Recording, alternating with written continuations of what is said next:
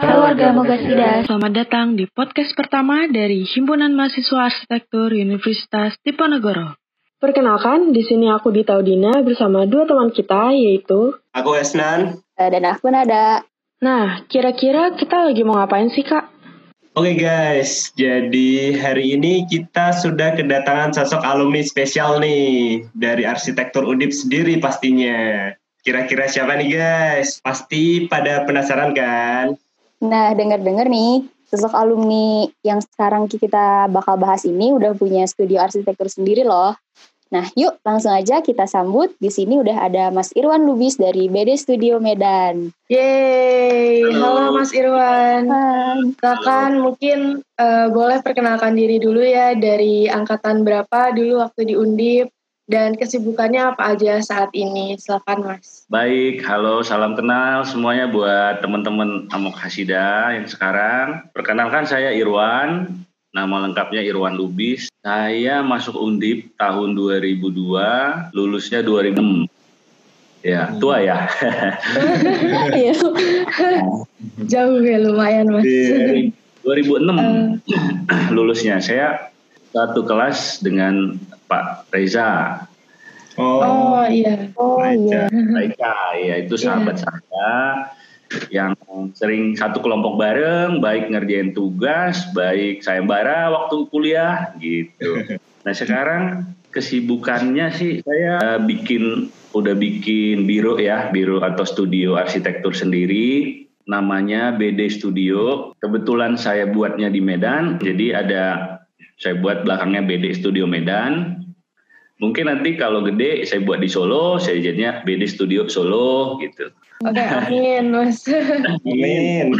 Jadi eh, BD Studio sendiri udah jalan lima tahun sih sebenarnya lima tahun baru ya baru banget. Sebelum sebelumnya saya itu bekerja di konsultan lain lah standar lah ya kita biasa lulus masuk konsultan lain. Cuman bukan konsultan yang gede banget ya, bukan konsultan terkenal banget tapi cukup lah untuk jadi pengalaman buat saya mencoba untuk mandiri, menuangkan ilmu sendiri di studio sendiri, sekalian berbagi kepada orang eh, banyak lah, kira-kira gitu.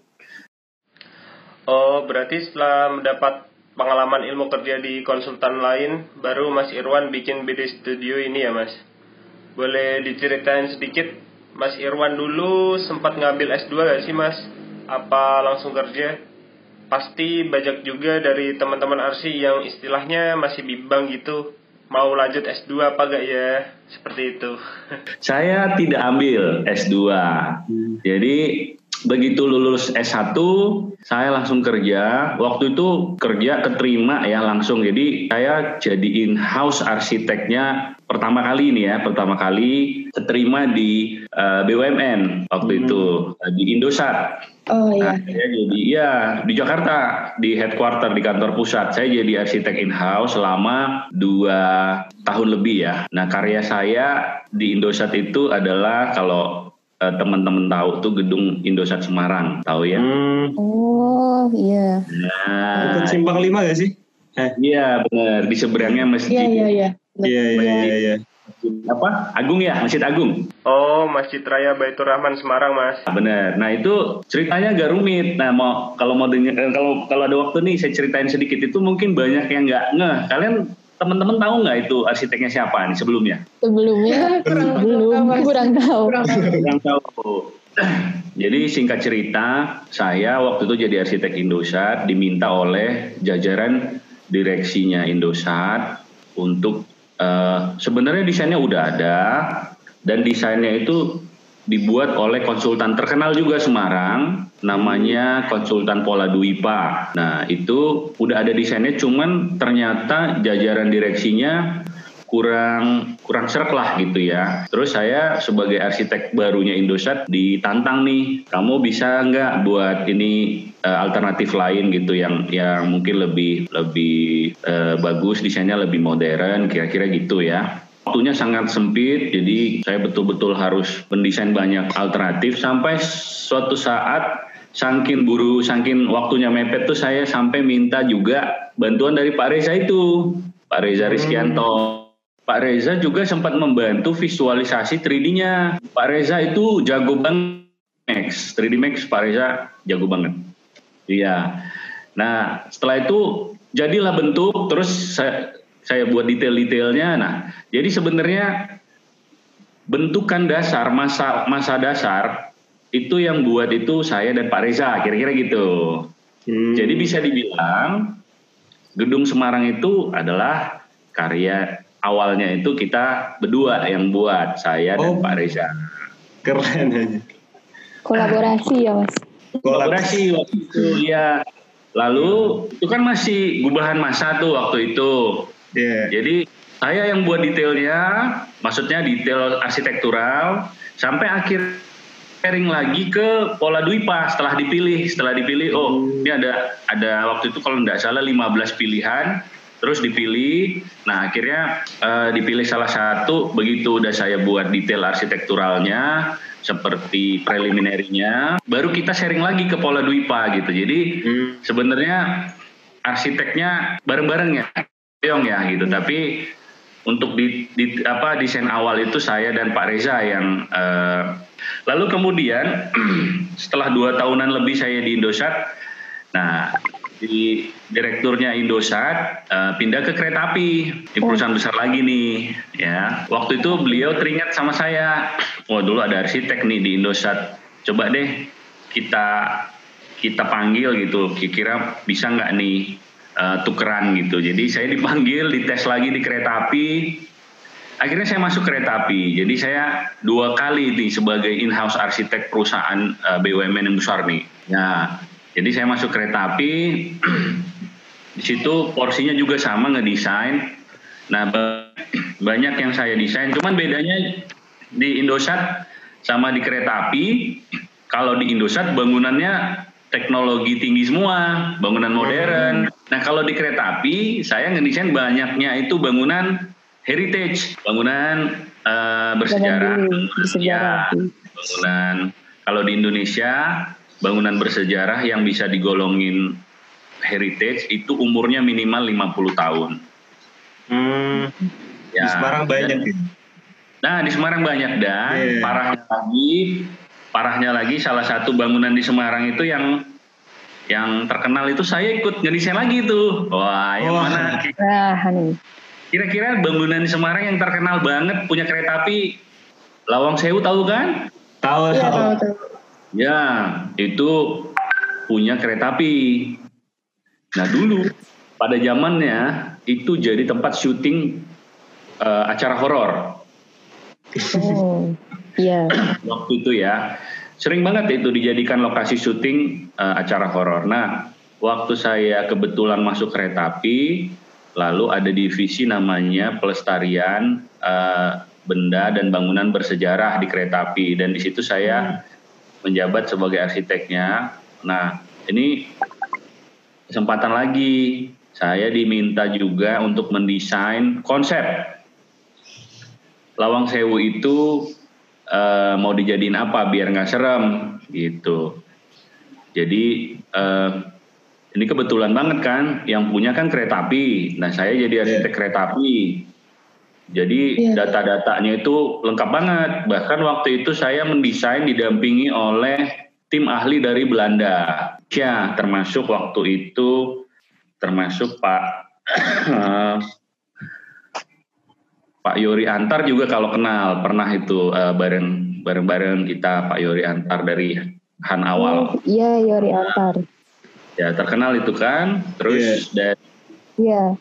Ya, dari Pusat Pelestarian uh, Indonesia, terus Pusat Dokumentasi Arsitek Indonesia, itu banyak banget lah di situ. Tapi untuk konsep dasarnya saya yang buat. Jadi kalau di sana mungkin sekarang udah jadi ruangan pameran, ruangan uh, apa tempat ngadain acara atau UMKM, itu semua konsepnya ada di saya.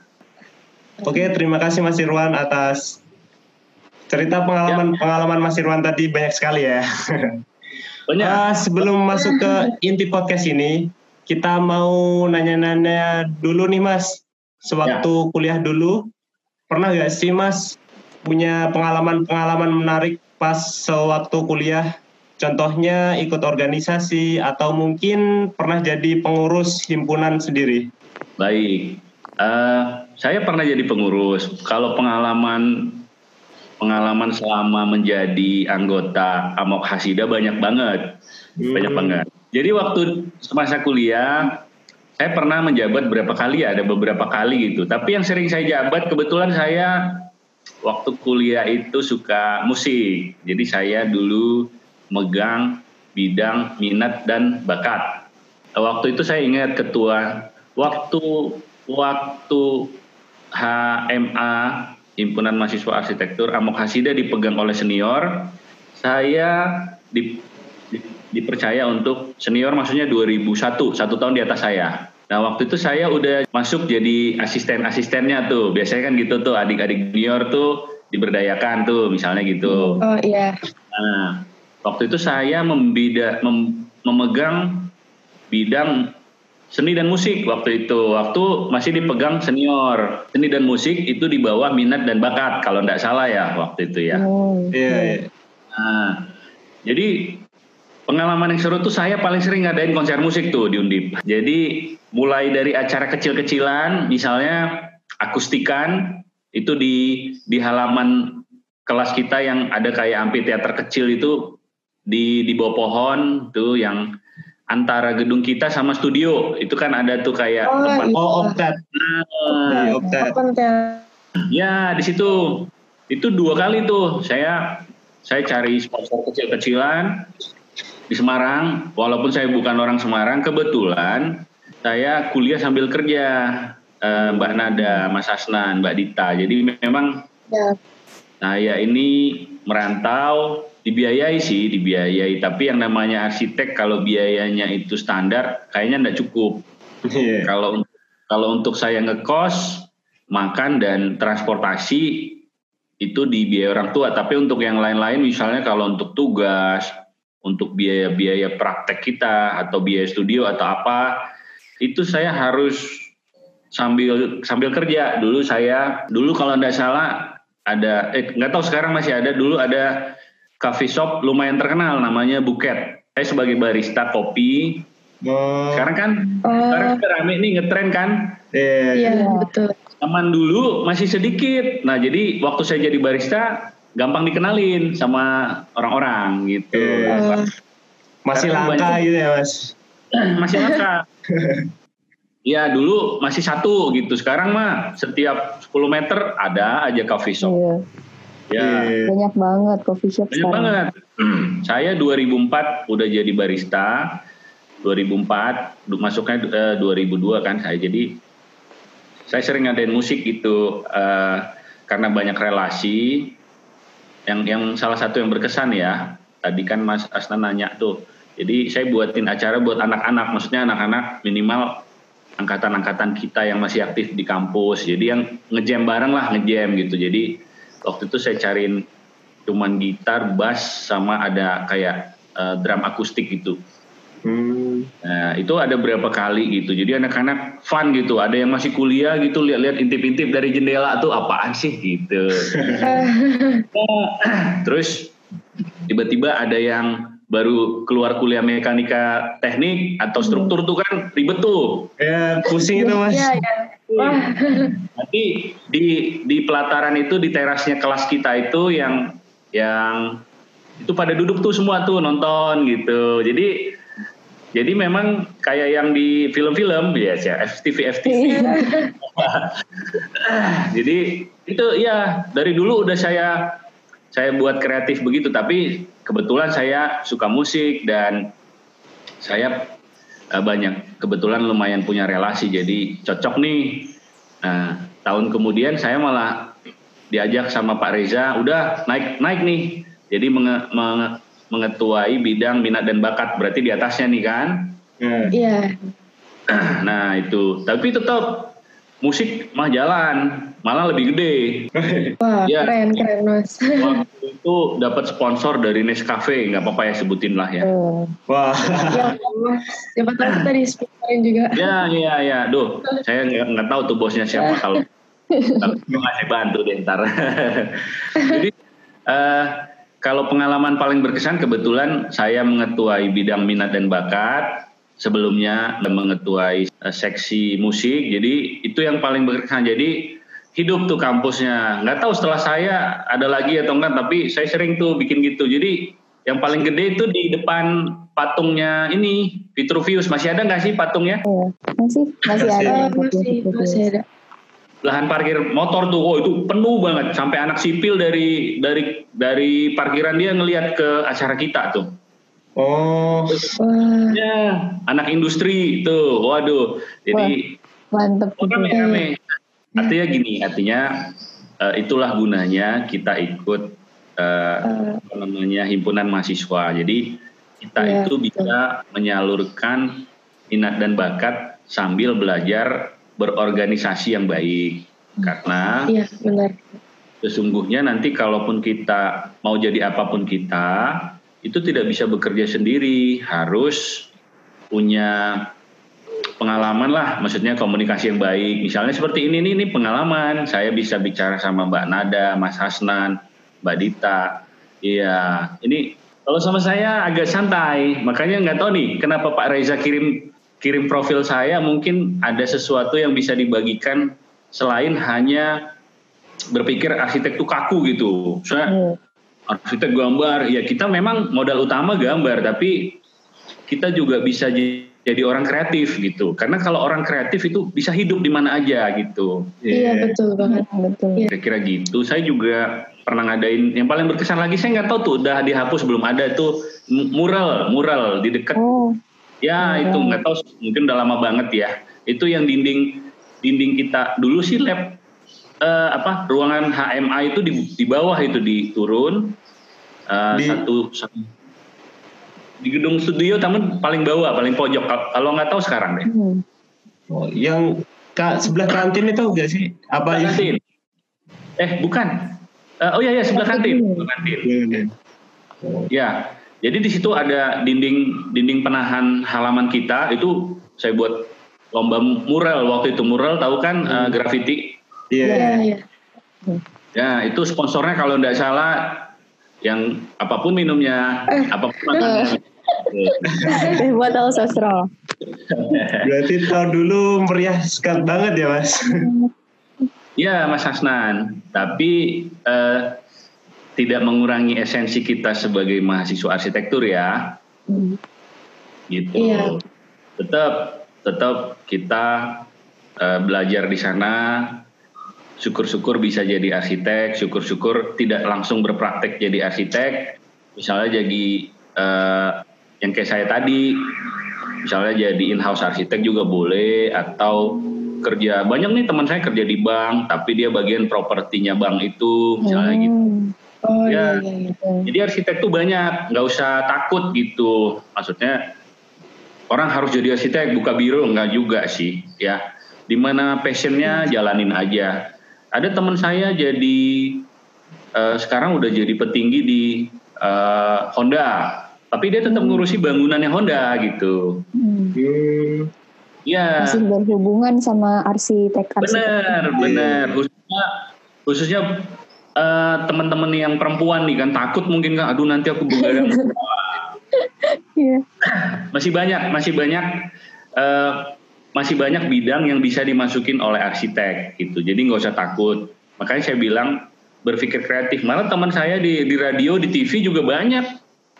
Banyak sih banyak. Jadi teman-teman nggak usah takut kalau ikut eh, himpunan mahasiswa arsitek Among Hasida ah nanti kuliahku terbengkalai nggak juga justru itu memperkaya teman-teman jadi harus semangat harus harus mengisi waktu mudanya ini dengan banyak eh, dengan banyak aktivitas kreatif dan positif. Eh, kan Mas eh, tadi katanya sambil kuliah, sambil cari kerja juga part time. Nah, itu apa nggak keteteran ya? Kuliah juga, part time juga, organisasi juga. Terus pasti Mas sering ikut sayembara-sayembara juga mungkin ya dulu. Ya, ya. Pengalamannya nah. Mungkin Oh. pengalamannya bisa sharing-sharing gimana nih tips and triknya nih buat eh, warga Mogasida. Jadi ini pertanyaannya lumayan eh, banyak. Ini satu-satu ya, saya ingat kok. Jadi uh, kuliah sambil kerja itu benar kata Mbak Nada itu berat banget sih sebenarnya ya berat. Tapi karena saya ini anak rantau, artinya memang merantau untuk belajar. Jadi yang pertama itu memang tekad ya, tekad dan uh, komitmen kita itu harus kuat. Jadi saya kan dulu saya di dilarang tuh sama orang tua, udahlah ngapain jauh-jauh di Medan juga ada universitas yang yang bagus lah gitu. Yeah. Terus saya saya berpikir saya ini orangnya suka tantangan. saya suka tantang diri sendiri malah juga. Wah, ini di Jawa itu ada apa ya gitu. Jadi penasaran. Yeah. saya pengen ah belajar di Jawa. Syukur-syukur nanti uh, jauh lebih baik lah. Nah gitu. Jadi waktu berangkat tuh saya bertekad tuh saya harus lulus dari Undip. Nah ternyata pas dijalanin, wah ternyata kuliah arsitek tuh, eh sorry sorry ini flashback sedikit. Dulu saya mau jadi dokter. oh, oh mas. Banyak ya, juga mas yang iya, cita-citanya melenceng ya. jadi saya dulu biologi jago, cia jago, narsis banget ya. ya saya ikut olimpiade biologi dulu. Nah dulu Wah, waktu keren. ya waktu di SMA saya pernah dapat nilai ujian akhir apa atau apa gitu biologi 10 tuh gila ya biologi. Jadi saya, saya hmm. pengen jadi dokter gitu. Nah waktu itu dokter kan yang ada di bayangan kita tuh wah biayanya ini pasti mahal. Iya benar nah, banget. Iya. Banget kan. Nah faktanya begitu masuk arsitek ternyata biaya arsitek juga mahal. Betul sekali. ya beli kertas dan lain-lain ya. Bener, bener Mas Hasna. Jadi waktu zamannya saya mungkin belum seperti teman-teman, udah ada komputer, udah bisa gambar di mana aja. Dulu zaman saya masih peralihan antara meja gambar dan komputer. Hmm. Ya, oh. iya. Oh, jadi melajarin dua-duanya berarti mas? Sempat, sempat. Malah kalau nggak salah itu udah tawar menawar gitu meja gambar saya malah nyewa ya ini karena mahal waktu itu khususnya merek yang lumayan. Waktu itu yang lumayan mereknya Mutoh namanya. Mutoh kalau nggak salah ya Mutoh. Nah waktu itu wah gila meja gambar aja mahal banget. Pokoknya pokoknya kisaran harga waktu zaman 2002 itu 8 juta. 8 juta hmm. eh itu bekas Waduh, ini niat hati uh, ingin ingin menghemat nggak masuk dokter malah masuk arsitek juga mahal gitu. Jadi wahai teman-teman arsitek berbanggalah kalian bahwa arsitektur itu juga jurusan mahal. ya. ya gitu. Jadi jangan jangan jangan berpikir ya dulu kan kita selalu punya cita-cita waktu kecil pengen jadi pilot, dokter. Ada nggak yang nyebutin arsitek? Uh, nggak ada jarang jarang lah. Ya mungkin yeah. mungkin mungkin sekarang anak-anak milenial ini mungkin udah ngerti kan dulu dulu apaan tuh arsitek? Gitu. Ini saya balik lagi ke pertanyaan yang Mbak Nada. Berat banget berat banget itu Mbak Nada. Kuliah sambil kerja tapi karena saya ingat orang tua saya susah ya nggak susah-susah amat lah tapi eh, bukan juga orang berada, eh, saya harus bertekad lah gitu, gitu. Nah, tapi tetap itu tadi karena saya bertekad, malah saya sayembara juga ikut. Contoh yang paling terkenal itu adalah sayembara kantor surat kabar Suara Merdeka Semarang. Yang menang oh.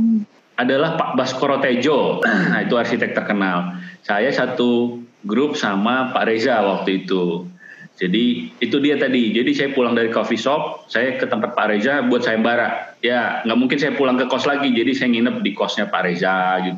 Punya banyak cerita juga sama Pak Reza tentang perjuangan uh, untuk menjalani semuanya. Belum lagi di kampus ada yang tadi itu yang saya cerita, saya punya bidang uh, yang harus diurusin kan, cari sponsor, ngetik sponsor. Wah itu dulu terjun langsung. Jadi ini banget tuh, dapat banget pengalamannya. Jadi buat teman-teman jangan jangan sungkan-sungkan nih masih muda kerjain aja semua gitu nggak usah "Ah, itu tugas dia aku kan ini aku kan Hmm. ini gitu nggak Hmm. usah itu Iya.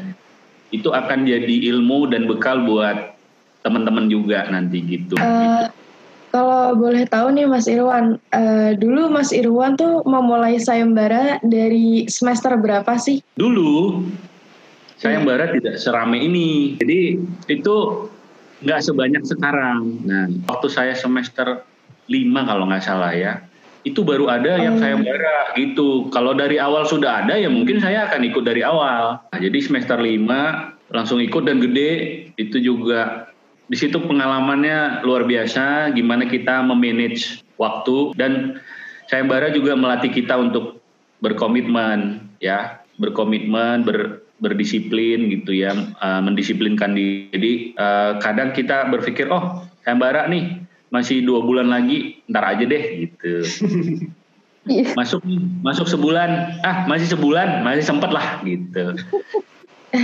ntar udah dua minggu nih oh dua minggu nih ya ah, ayolah kita mulai gitu sampai tinggal seminggu baru ini ngumpul nggak ya gitu. Iya pasti banget deadline. ya. Deadline. nah itu. Yang susah itu kita gitu. Kalau kalau ya Mas Asnan ya. Kalau masih ngelihat tuh ada cadangan cadangan waktu banyak antar lah gitu. Iya. Oke Mas Irwan, Eh, sekarang aku mau tanya-tanya nih. Untuk sayembara sendiri sekarang kan udah banyak nih. Ada di mana-mana dan eh, diselenggarakan oleh banyak pihak juga gitu. Nah yang ikut juga bisa dari berbagai kalangan, bisa dari yang semester awal, eh, bisa mahasiswa semester akhir atau malah mungkin banyak yang udah profesional gitu. Nah eh, kira-kira dari Mas Irwan sendiri ada nggak tips dan trik untuk teman-teman yang mau ikutan sayembara tapi masih masih semester awal gitu.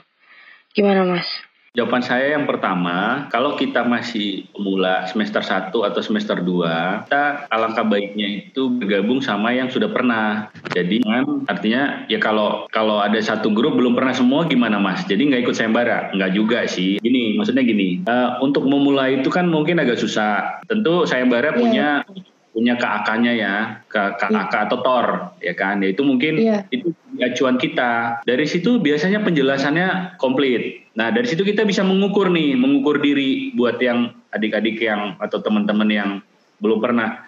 Ini aku sanggup nggak ya? Kan di situ dijelasin tuh. Nah, Iya. kira ini ngumpulnya misalnya pakai kertas apa, gambarnya berapa banyak, itu kan ya se- sedikit banyak kalau kita udah masuk jadi mahasiswa arsitek pasti banyak lah apalagi sekarang informasi kan banyak tuh dari dari media sosial apa sih sayembara gimana sih ngikutinnya sekarang kan gitu. Betul. kalau dulu Iya. dulu wah saya ngeblank. Ngapain nih? Apaan nih? Nah sekarang kan udah banyak. Nah tips pertama baca baik-baik dulu keakannya dari situ kita Oke. bisa mengukur diri. Mengukur diri kita sanggup nggak nih? Misalnya satu satu tim atau individual sanggup nggak nih? Gitu yang kedua tipsnya kalau mau belajar ikut ngebonceng nih. Maksudnya bukan ngebonceng apa ikut ikut nebeng. Sama yang udah pernah nggak usah malu. Eh aku ikut ya satu grup nggak apa-apa ya. Nanti aku bagian bikin denah tampak potongan nggak apa-apa deh gitu. Tapi paling tidak kita belajar cara berpikir dia cara menyusun Iya, iya. presentasi. Nah baru yang ketiga tipsnya agar termotivasi juga untuk ikut sayembara ya lihat nih rewardnya apa? Itu itu bisa memotivasi. Mungkin hadiahnya gede nih atau hadiahnya bakalan nah itu itu salah satu juga sih ya. Paling tidak ikut sayembara itu banyak gunanya. Ya tadi itu mengasah mengasah ide kita yang pertama tentu yang kedua uh, menambah pengetahuan kita tentang disiplin komitmen. Nah itu tadi mengasah kita lah untuk menjadi profesional itu Iya. bisa lewat sayembara Nah, Mas Irwan, aku mau tanya-tanya sedikit nih tentang BD Studio. Eh, gimana sih awal mula perjalanan dari dalam membangun eh, BD Studio ini dan mungkin Mas Irwan bisa ceritain sedikit eh, suka dukanya waktu perjalanan membangun BD Studio ini. Silahkan. silakan. Ini berat. Ini berat. Hmm, tapi nggak apa-apa ya. Ini berat tapi toh juga saya sekarang sudah di sini, sudah di bidang ini dan saya sudah yakin ini pilihan saya. Jadi memang sebelum saya buka uh, atau mendirikan biro sendiri, sebetulnya di BUMN yang kedua di kereta api saya tuh udah udah level mau apa namanya apa sih kalau kita CPNS ya CPNS Hmm, hmm. sebetulnya Oh, iya. ya sebetulnya itu saya udah di zona nyaman. Bentar lagi saya jadi karyawan BUMN tapi waktu itu di dalam hati itu tadi yang kayak pertanyaannya Mbak Nada tadi bagaimana sih mengatur waktu se- sehingga semua bisa dikerjain? Pengalaman itu yang saya lewatin itu itu kayaknya bergejolak lagi gitu Ah, ah. wah dulu saya mati-matian nih dulu saya kerja sambil sorry saya kuliah sambil kerja terus di kampus dulu ya nih sebelum saya jawab ya Mbak Dita saya termasuk Iya. orang termasuk tanda kutip pemberontak juga nih pemberontaknya gini mau tahu nggak nih mau lah ya Eh, boleh boleh mas. jadi dulu nggak sehebat sekarang informasi banyak dari media sosial. Jadi zaman dulu itu eh, kita harus kalau mau mau pinjam buku juga kan eh, ke waktu itu ke Sugio Pranata malah yang lengkap ke Unika. Bahkan saya sampai ke Jogja itu naik naik bus hanya untuk ke perpusnya Oh. UGM. Oh, Ya, naik bus. Penasaran gitu sama buku-bukunya. Nah, jadi waktu itu zamannya ada satu topik yang lagi hangat tuh. Nggak tahu nih teman-teman mungkin taunya nanti arsiteknya. Dulu ada bahasa namanya dekonstruksi. Zaman dulu dekonstruksi ini jarang nih, belum belum begitu ini. Mungkin sekarang atau nggak tahu nih, ada pada nggak tahu dekonstruksi. Dekonstruksi itu kalau di arsitek ada aliran dekonstruksi, arsitektur dekonstruksi. Tapi dulu itu itu dari filsuf Prancis namanya Jacques Derrida. Dekonstruksi itu adalah perombakan besar-besaran eh, tentang cara pikir yang sudah mapan, gitu kira-kira. Misalnya gini, misalnya gini, kita tahu pintu itu bentuknya gimana? kotak Benar, iya. benar. Pernah nggak lihat pintu segitiga? Belum, belum, belum pernah. jarang jarang Ya. Lihat pintu pintu bundar pernah nggak? Pernah, pintu butir pernah. Nah, ya paling tidak Mbak Nada sudah pernah lihat pintu bundar. Pintu bundar. lihat, lihat rumah, rumahnya Hobbit tuh Hobbit kan Iya, itu. rumahnya hobbit. Nah itu namanya dekonstruksi pemikiran. Kenapa pintu harus kotak, Mas Hasnan? Kenapa nggak bulat? Kenapa nggak segitiga? Nah seperti itu kalau di arsitektur. Kenapa bentuk atap tuh harus begini? Kenapa nggak? Nah sekarang kan banyak-banyak kan bentukan. Iya. Nah, itu uh, yang mendasarinya itu tadi perombakan pola pikir yang sudah mapan yang sudah ya biasanya begitu gitu. Ya biasanya begitu, nggak gitu gitu misalnya. Kan jadi saya tertarik banget nih sama topik ini. Akhirnya saya cari waktu itu kan belum internet juga mahal kalau kita ke warnet. Iya benar. Iya, Iya, dulu iya, dulu nggak seperti sekarang kan ada bandwidth. Pengen Facebook beli bandwidth Facebook, Instagram Instagram aja Iya. gitu. Iya. Ketengan. Dulu kagak ada mahal dulu. Saya ke ke universitas lain untuk cari buku itu. Nah, langsung saya copy, terus saya ketik ulang nih di kos. Gila nih pokoknya. Terus yang jarang-jarang dapat dari kampus. Jadi bentuknya kayak ya, jadi saya merasa nggak cukup nih. Aduh, kayaknya kalau dari kampus bukan bilang jelek ya, tapi pasti kan polanya udah jelas nih. Nah, saya pengen yang ini kan misalnya dari stupa 1 atau PA1, PA2, PA3 gitu ya. Struktur 1, 2. Saya pengennya tep, tiba-tiba ada yang gini tuh. Cut, cut gitu loh. Maksudnya ngerti kan? Maksudnya kayak kayaknya saya nggak puas nih gini kalau cuman gini harus Ah itu jadi ide-ide seperti itu atau keinginan seperti itu itu bagus menurut saya. Jadi saya jadi waktu itu di angkatan saya bilang sama teman-teman, nih yang mau nih waktu itu bayangin tuh saya udah kerja sambil sorry kuliah sambil kerja cari duit susah. Saya masih mau ngeluarin duit untuk bikin fotokopiar saya bagi gratis. Sambil Ya, beramal lagi. Nah, itu itu Pak Reza tahu banget itu. Jadi yang saya mau yang saya mau kasih ini loh ada cara pikir yang beda itu yang saya maksud tadi pemberontak gitu. Jadi saya pengen ini loh ilmunya jangan gitu-gitu nih. Ini nih pelajari nih gini-gini ha. Jadi wah apa nih orang bacanya aja aduh aku udah pusing struktur ditambah itu Iya, iya. gitu kan. Nah, gitu. Jadi jangan pernah puas Mas Hasnan. Selalu merasa diri kita ini belum ada apa-apanya. Itu prinsip penting. Iya. Dari situ kita akan selalu rendah hati, selalu merasa kita itu harus belajar lagi gitu. Jadi itu penting buat arsitek gitu. Nah, Iya. balik lagi, wah saya merasa nggak puas. Akhirnya itu saya terjun bebas, terjun bebas dari banyak hal, termasuk status. Apalagi buat Mas Hasnan nih, kalau mau melamar seorang gadis, pasti ditanya kerja di mana. Aduh. Iya. Oh waktu itu kalau ditanya begitu saya pede. Oh saya di kereta api. Wih. Tapi sekarang saya rela eh, terjun bebas ya. Saya ba- bahasa terjun bebas ke dunia yang sebetulnya itu belum jelas kan. Eh, prospeknya juga belum jelas. Medan lagi. Iya. Medan. Medan ini pemahaman tentang arsitektur atau profesi arsitek itu tidak seperti di Jawa. Itu oh arsitek ya, uh keren gitu misalnya. di Medan, di Medan, oh arsitek ya. Oh apa itu ya? Oh, Oh tukang gambar. Arsitek tukang gambar. Hah? Arsitek sipil ya? Oh, aduh, pusing nggak? Nah, jadi itu, wah, arsitek apaan gitu. Jadi saya memilih terjun bebas itu dari banyak hal, misalnya status tentu tentu akan ambiar ya. Kalau kata almarhum Pak D, ambiar tuh, aduh status gawat nih. Dari segi duit, dari segi penghasilan itu menurun. Ya lumayan waktu saya di kereta api lumayan lah, ya. Terus dari segi lingkungan dari Jakarta terjun ke Medan gitu. Medan. Itu Oh iya. itu tentu itu berbeda itu. Nah, tapi tadi balik lagi yang saya cerita tadi itu kegelisahan itu ada muncul. Eh, lu udah belajar, lu udah lu udah berontak, udah ini, kenapa sih nggak dipakai gitu? Nah itu akhirnya balik lagi. Saya harus menguatkan diri lagi sama kayak waktu kuliah. Wah, kuliah juga harus menguatkan diri, harus punya mental. Sekarang mau kerja juga gitu. Waduh. Tapi eh, ke Medan nggak mungkin, saya nggak langsung bikin biro karena kan nggak tahu Medan. Jadi saya waktu itu ikut konsultan beneran, beneran konsultan yang memang bidangnya arsitektur. Itu saya ada sekitar tiga tahunan, hampir empat tahun juga tuh saya belajar serius.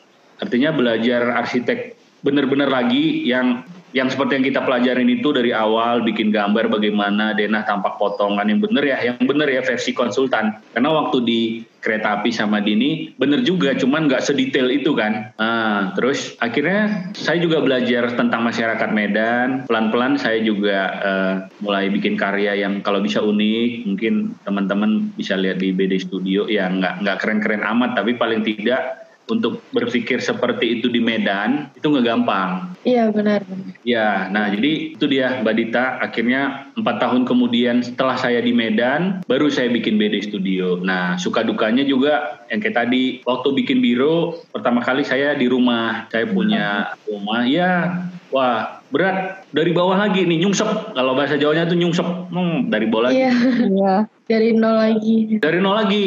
Akhirnya waktu itu saya sendiri bikin gambar kerja juga sendiri. Gila-gilaan lah pokoknya. Tapi nggak apa-apa saya udah bertekad kan. Baru kemudian saya kewalahan akhirnya ada sedikit banyak tambah nih project saya sewa drafter hire waktu itu hire-nya nggak langsung jadi pegawai tetap jadi part timer per project Oh iya iya iya. Nah, step berikutnya berarti saya udah berdua nih, tapi tetap di rumah, masih di rumah saya. Rumah itu maksudnya rumah yang saya cicil juga nih pakai KPR tipe 36 kecil banget. Jadi saya eh, waktu itu hampir berkeluarga, artinya sudah merencanakan berkeluarga, udah ada tanggalnya, terus ada tabungan-tabungan dikit waktu kerja di di sono, terus saya KPR rumah, sekalian jadi tempat studio. Nah, dari per- dari sendiri, terus kedua punya drafter, baru habis itu saya dapat project lagi pelan-pelan karena itu tadi selama berprofesi apa pun kualitas tetap dijaga gitu. Iya, Jadi benar. di bidang kita ini kualitas itu yang menentukan nanti untuk project kita berikutnya bisa jadi gitu. Jadi mulut ke mulut kan gitu. Iya, iya, iya.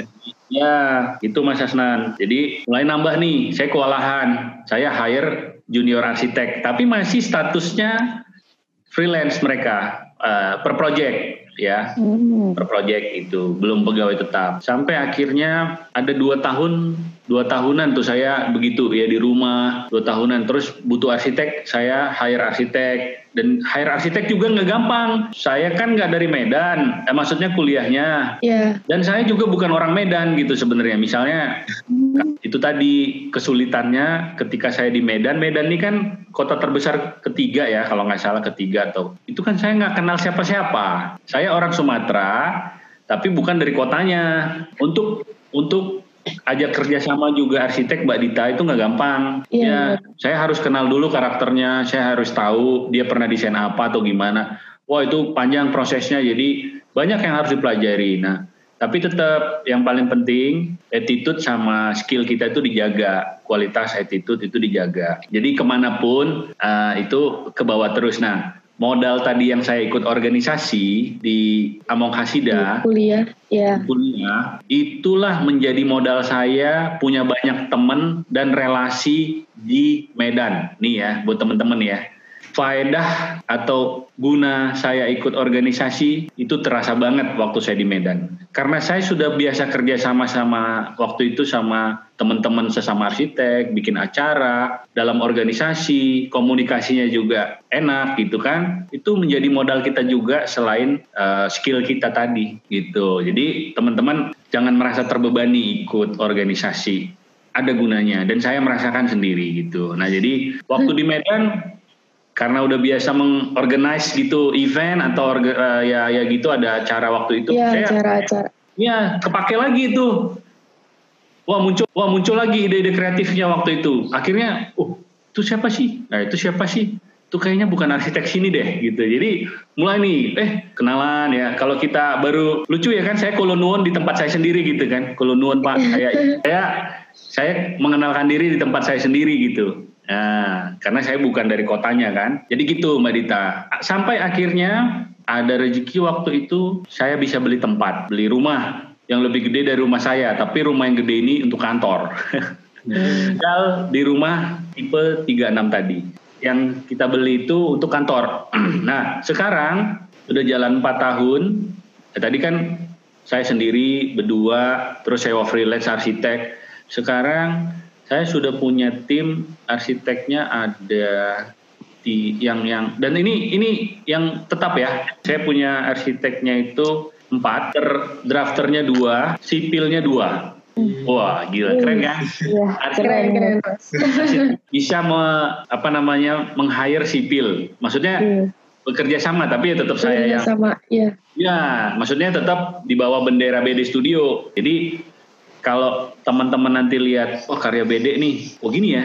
Nah, dan di arsitek juga kita akan diajari nanti, saya kebetulan saya IAI, nanti teman-teman kalau ada peluang masuklah ke IAI. Pak Reza juga IAI. Ya. Karena itu penting. Memang sekarang tidak terlihat seperti tidak tidak tidak terlihat urgent banget, tapi profesi kita ini terkadang dilecehkan gitu. Maksudnya hmm. mungkin dari segi apa kontrak fee atau ada yang nggak dibayar. Nah IAI itu adalah rumah yang melindungi kita gitu. Kalau untuk sejauh ini kira-kira uh, dari sekian banyak proyek yang udah ditangani sama BD Studio itu yang kira-kira paling berkesan, paling menarik uh, itu kira-kira proyek apa Mas? Oke, okay. sebenarnya kalau buat saya semua proyek menarik ya, tapi tapi bener nih kayak musisi mungkin kalau ditanya eh lagu ciptaan pekerjaanmu yang paling kamu suka yang mana kan gitu ya. Hmm. Yeah. Nah, yeah. ada satu proyek, ada dua sebetulnya. Satu rumah tinggal, satu restoran. Tapi restorannya lebih high class, misalnya uh, klub-klub klub. Oh. Ya.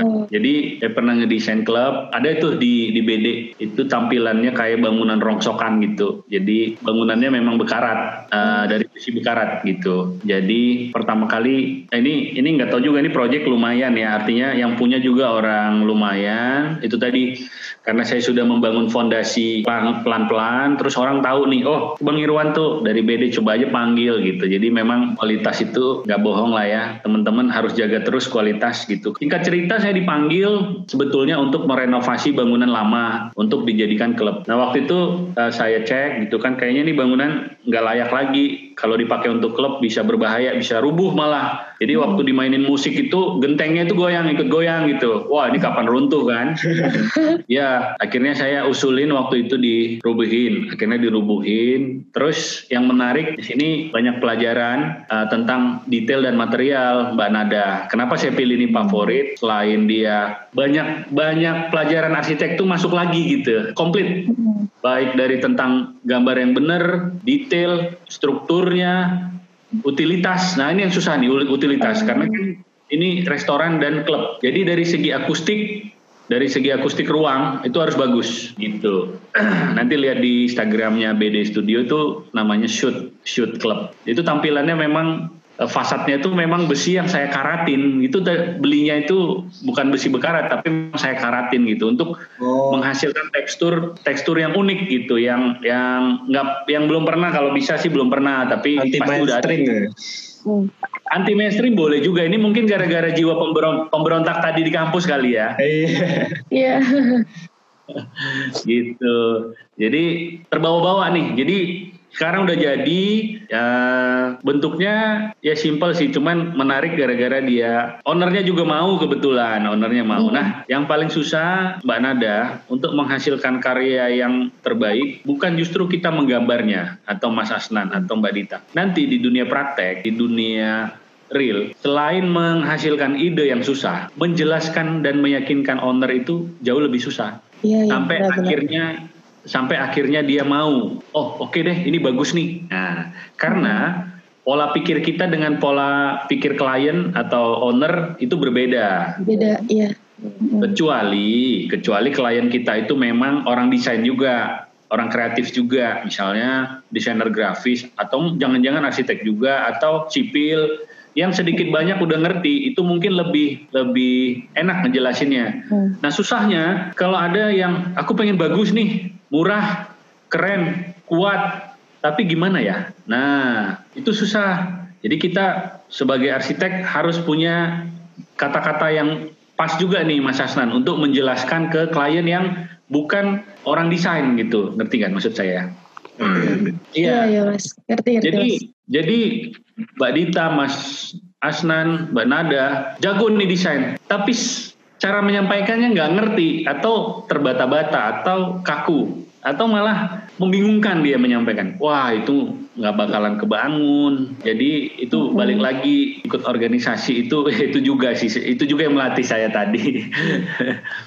gitu. Jadi ilmunya di, di ditebelin, uh, speaknya dibagusin, attitude-nya harus yang pertama itu attitude jangan pernah ngecewain orang, jangan pernah nipuin, maksudnya jangan pernah juga ini eh, nggak uh, sopan gitu deh, itu attitude lah semuanya. Jadi pertanyaannya ada dua, satu rumah tinggal, satu shoot club. Nah yang rumah tinggal, tadi kalau yang klub udah tahu ya, jadi kenapa saya suka karena di situ banyak proses saya terlibat Mbak Nada.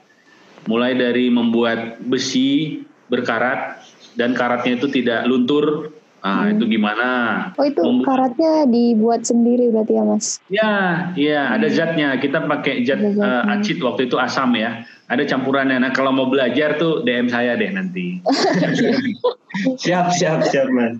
Kalau yang mau bahas soal desain, detail material, siapa pun atau mau buat mau buat satu satu sesi nanti saya bisa jelasin. Misalnya nih ada satu sesi mau sharing-sharing tentang tentang arsitek benerannya ya, misalnya tentang material desain itu nanti saya bisa sharing-sharing kalau mau. Jadi bagaimana bangunan ini kok ada karatnya begini, terus bangunan ini kok tampilannya begitu ya, ada apa di situ. Nah itu. Jadi shoot ini banyak yang bisa saya sharing tentang material, ngedesain, bagaimana suara musik dari dalam tuh nggak keluar tuh. Keluar, iya Oh iya iya. iya.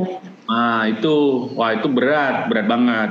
Dan lightingnya tuh kalau lihat di BD tuh lightingnya juga saya desain gitu. Jadi memang betul-betul komplit. Makanya saya suka karena saya pusing dibuatnya.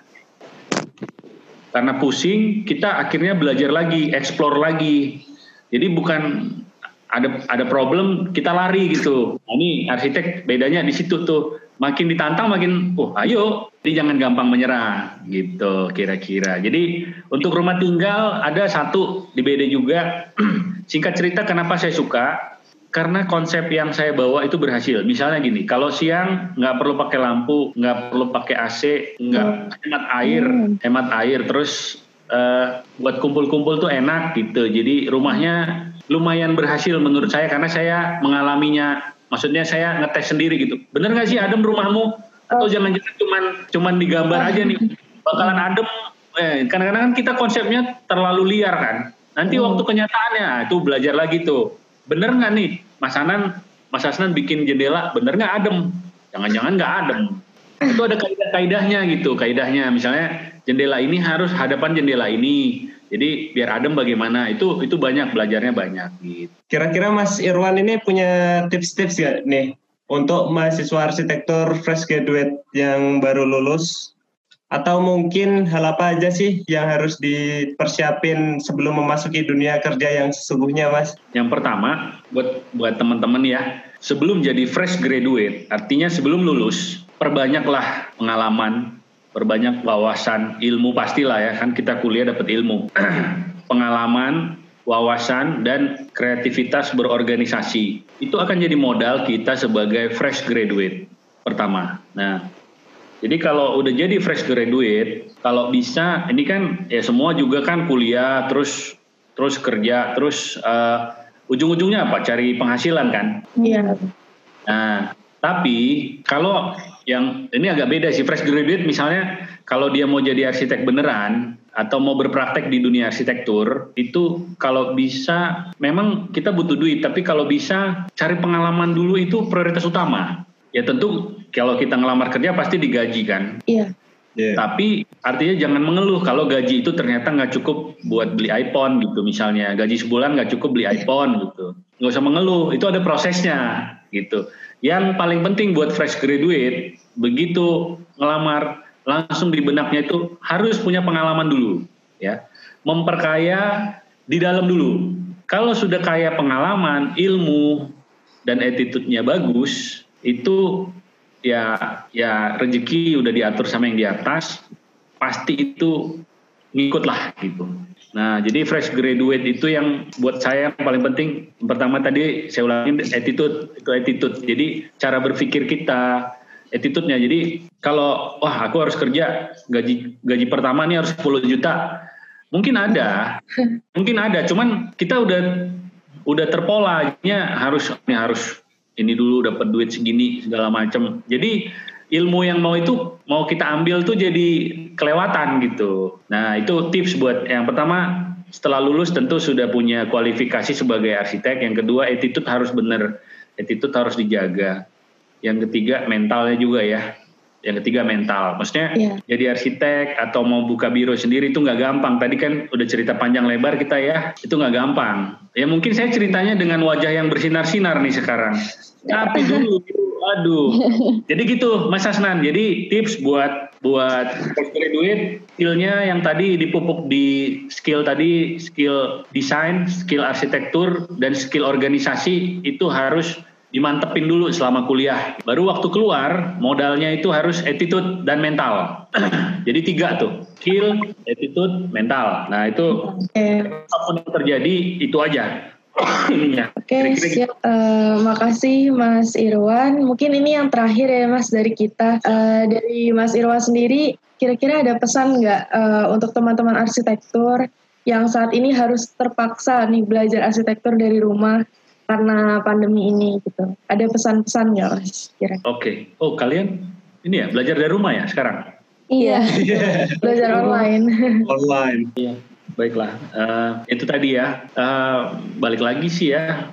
Apa pun kondisinya, kita juga nggak tahu. Yang sekarang terjadi juga nggak tahu apakah sudah orang sudah sudah ada yang prediksi atau malah kita kayak gini kalau saya sih nggak tahu ya akan akan begini. Jadi uh, kalau kita punya mental yang kuat gitu, kalau punya kita punya kemauan buat teman-teman adik-adik itu, apa pun kondisinya kita bisa kok. Kita bisa belajar dari mana aja. Karena memang sekarang ya mau nggak mau kita harus beradaptasi dengan kondisi.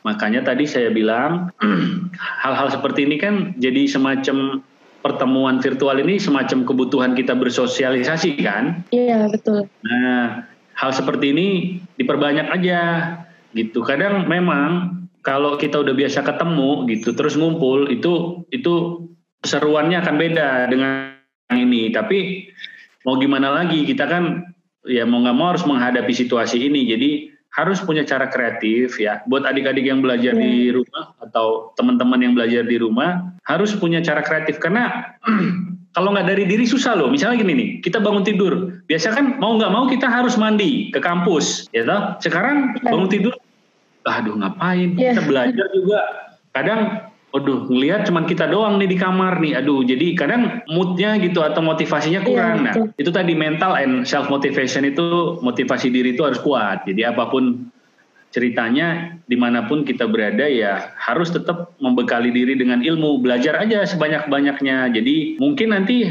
akan ketemu cara-cara baru juga untuk menghilangkan kebosanan. Misalnya seperti ini atau interaktif di, dihadirkan misalnya ada dosen nih terus ada arsitek tamu itu seru juga tuh kan yang tidak dosen gitu misalnya terus adu argumen gitu itu seru tuh gitu jadi mungkin mahasiswa juga bisa misalnya uh, yang yang pengurus bisa cari cara untuk kalau teman-teman Hani nih satu lagi pesan saya banyak sekarang acara acara online yang berkualitas. Nah, itu teman-teman bisa ikut. Contohnya nih, setiap hari Kamis malam ya. itu ada namanya Rabung Madah.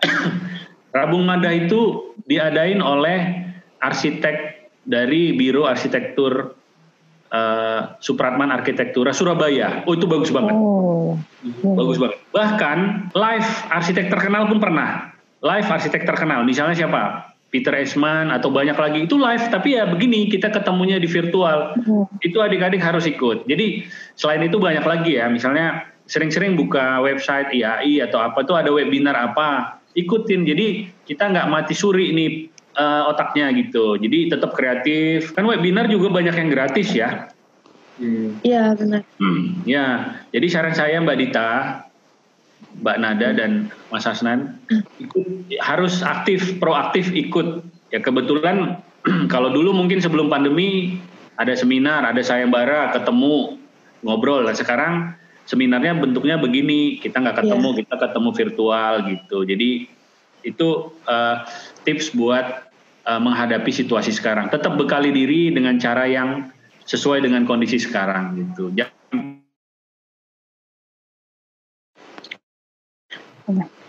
uh, Oke, okay. kenapa, Mas? Cukup menjawab ya? Ya, uh, ya cukup menjawab Mas. Terima kasih. Ya, ya. Nah, Uh, Oke, okay, uh, eh, untuk teman-teman Awagasida, uh, tadi sudah disampaikan oleh Mas Irwan, walaupun kita belajar online dari rumah, tapi harus tetap membekali dengan ilmu-ilmu arsitektur. Uh, apalagi dengan pandemi seperti ini dimudahkan dengan yang seminar-seminar online ya. Banyak ya. juga yang gratis. Nah, bisalah kita ikut, sering-sering ikut webinar online. Oke, uh, gak kerasa nih udah sampai di akhir podcast ini. Semoga pesan dan cerita pengalaman dari Mas Irwan ini bisa memotivasi kita semua, bisa menjadi manfaat baik dari warga Mogasida maupun untuk yang mendengar podcast ini. Terima kasih juga buat Mas Irwan yang sudah berbagi pengalamannya dengan kita semua, sudah menyempatkan waktunya untuk berbagi dan sharing-sharing cerita sampai bisa berada di posisi sekarang ini, sampai uh, suksesnya BD Studio Medan ini. Semoga bisa menjadi motivasi untuk kita semua.